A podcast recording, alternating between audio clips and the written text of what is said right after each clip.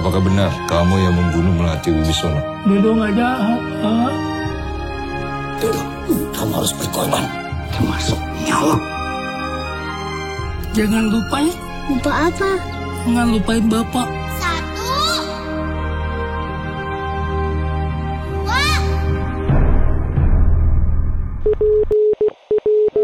Kalau saya ngomongin Miracle in Cell Number 7, rasanya nih, kesedihan yang saya rasakan di film tahun 2013 lalu masih teringat dalam memori kepala saya. Keberhasilan film itu juga membuat banyak negara meremake film ini, termasuk Indonesia yang menjadi negara ketujuh yang meremake film asal negeri gingseng ini. Apakah Miracle in Cell Number 7 versi Indonesia juga bisa memberikan keajaiban sesuai dengan judulnya? Yuk kita bahas.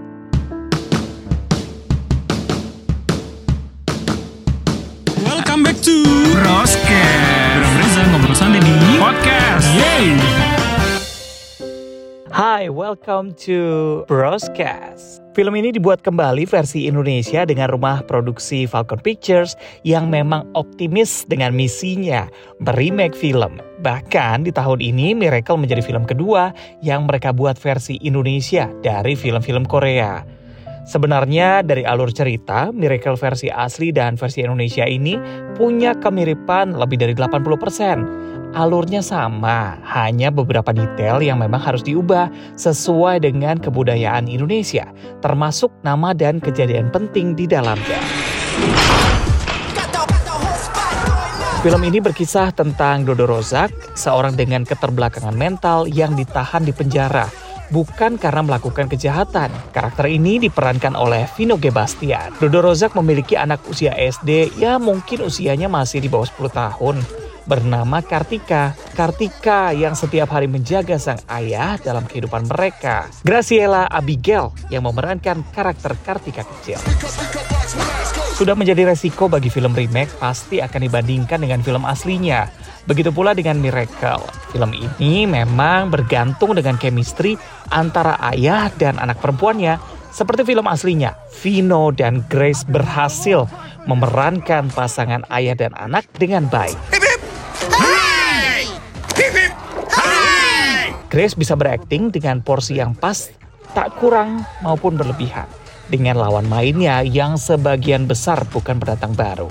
Chemistry antara ayah Dodo dan Kartika terlihat sepanjang film yang bisa membuat kita sebagai penonton percaya bahwa Kartika sangat cinta dengan ayahnya. Aku menyayanginya. Di sisi lain, Vino memerankan ayah Dodo dengan porsi yang menurut saya sedikit berlebihan. Pengembangan karakter yang dibangun oleh Vino lebih terlihat seperti anak kecil dibandingkan dengan orang keterbelakangan mental. Bentuk tubuh Vino yang atletis juga kontradiktif nih dengan karakter ayah Dodo yang memang sehari-hari hanya makan nasi, pakai martabak telur, dan sayur bening. Dalam film ini, Vino seolah ingin membuktikan bahwa dia bisa memerankan karakter dengan keterbelakangan mental, namun sayang sedikit berlebihan. Entah kenapa, mungkin hanya saya saja ya, yang sepanjang menonton film ini sangat teringat dengan karakter Cecep yang diperankan oleh Anjas Mara dalam sinetron Si Cecep dulu. Ada hal lain yang cukup ganggu pikiran saya selama saya menonton adalah seragam dari Kartika yang terlihat seperti baru dan bersih dengan kerahnya yang masih kaku. Padahal pada scene berikutnya kami sebagai penonton juga diperlihatkan dengan cara Dodo Rozak yang mencuci seragam. Jadi rasanya memang agak tidak mungkin kalau hasilnya bisa seputih itu seperti seragam baru gitu ya. Ya mungkin memang adegan itu merupakan adegan semester baru. Jadi memang Kartika pakai seragam baru. Tapi kalau kita ngomongin semester baru atau ngomongin waktu begitu ya, ada hal lain yang membuat saya bingung adalah saya sulit untuk menebak setting tahun dalam film ini. Ada beberapa hal yang kita bisa bahas di sini. Yang pertama adalah KTP yang digunakan oleh guru Kartika untuk menjenguk ke penjara ini KTP yang lama, yaitu KTP di bawah tahun 2000-an. Tapi beberapa scene berikutnya kita juga diperlihatkan dengan sistem operasi dari komputer dan juga laptop penjara yang digunakan di sini adalah sistem operasi Windows XP yang baru keluar di tahun 2001. Kejanggalan lain juga bisa dilihat dari ponsel yang digunakan oleh istri Denny Sumargo yang terlihat menggunakan ponsel di atas tahun 2000-an. Kejanggalan lain mengenai latar waktu bisa kita lihat ketika Kartika menagih uang, yaitu uang balon pada saat pesta. Dan ini juga bisa terlihat saat Dodo Rozak memasuki sel nomor 7. Dia juga menjelaskan bahwa balon yang ia jual dengan harga Rp10.000 satunya. Hmm, sepertinya terlalu mahal untuk Anda berjualan balon di bawah tahun 2000 dengan harga 10.000 satunya. What? What's going on? Dalam sebuah wawancara, Hanung Bramantio mengatakan bahwa Miracle menjadi salah satu karyanya yang bisa ia gunakan untuk menggambarkan bagaimana kasus hukum yang ada di Indonesia. Ini bisa dilihat dari sosok yang digambarkan oleh Hanung untuk memberikan dominasi di dalam film ini, yaitu sang pemimpin partai yang menjadi calon gubernur, di mana sosok ini memiliki power yang besar untuk memengaruhi Dodo Rozak, sang pengacara bahkan kepala lapas. Namaku Kertarajasa Selain itu ada beberapa hal menarik yang bisa kita bahas dalam film ini. Yang pertama film ini menggunakan color grading kuning dan biru. Gak perlu khawatir nih karena pemilihan warna ini memang menggambarkan latar waktu dari kejadian.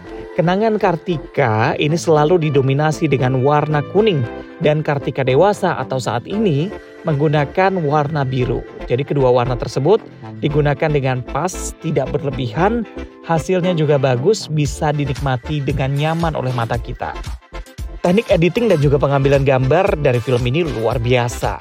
Salah satu scene dengan editing dan pengambilan gambar yang ciamik adalah saat persidangan akhir, di mana ketika Kartika menghampiri ayah Dodo, kamera memutar menggambarkan suasana di ruang sidang pada masa lalu dan masa kini. Dengan pengambilan gambar dan editing yang seamless, membuat kita sebagai penonton mengerti bahwa persidangan yang dilakukan di masa kini, Ayah Dodo tidak ada di tempat, tapi hanya dalam ingatan Kartika saja. Ini salah satu scene yang berhasil diterjemahkan dengan baik oleh Hanung Bramantio. Scene kelas dunia. Salut! Namun yang saya pertanyakan adalah apa peran dari teman satu sel mereka di sana? Karena dalam versi aslinya mereka datang ke dalam persidangan untuk dimintai keterangan. Namun di sini mereka hanya datang, menonton dan memberikan dukungan bagi Kartika. Justru sang kepala lapas yang memberikan kesaksian dalam sidang. Final scene perpisahan antara Kartika dan Ayah Dodo juga berhasil membuat penonton mengeluarkan air mata dengan deras. Ya, bukan meneteskan air mata, tapi menangis bombay. Hei, siapa yang meninggalkan bawang di sini? Bagi saya yang sudah menonton versi Korea, saya pun terhanyut dalam adegan ini. Acting dari Grace dan Vino begitu natural, didukung dengan scoring yang sempurna, menghasilkan air mata yang bercucuran, sama seperti adegannya. Grace berhasil membuat kita yakin bahwa dia tidak akan kembali bertemu dengan ayahnya. Untuk ukuran baru kedua kali bermain film, saya harus angkat topi dengan anak ini. Bravo, bravo, bravo. Acting dari para pemain pendukung juga keren. Ini terlihat dari chemistry mereka yang menyatu, tidak ada yang lebih menonjol. Acting Indro memang sudah tak perlu diragukan, begitu pula dengan Tora Sudiro. Jokes dari Indra Jegel dan Regen juga oke, berhasil membuat banyak penonton tertawa dalam lawakan yang mereka buat. Gengnya berisi mereka aja kayaknya udah cukup ya, tanpa perlu ada Brando Money karena karakter yang diperankan dia sebagai bule sepertinya kurang fungsional dan seolah tidak bisa menyatu dengan yang lain. Jokesnya sedikit, actingnya boleh lah, tapi memang base dari fansnya tuh banyak, jadi wajar dia dipilih masuk dalam geng sel nomor 7 ini. Oh wow. Menurut saya, film ini bisa menjadi miracles bagi Falcon Pictures karena mereka berhasil menunjukkan kepada kita bahwa mereka juga bisa menghasilkan film dengan cerita yang bagus, visual yang nyaman, dan scene kelas dunia. Ayo, selagi masih tayang di bioskop, nonton dan jangan lupa bawa tisu ya.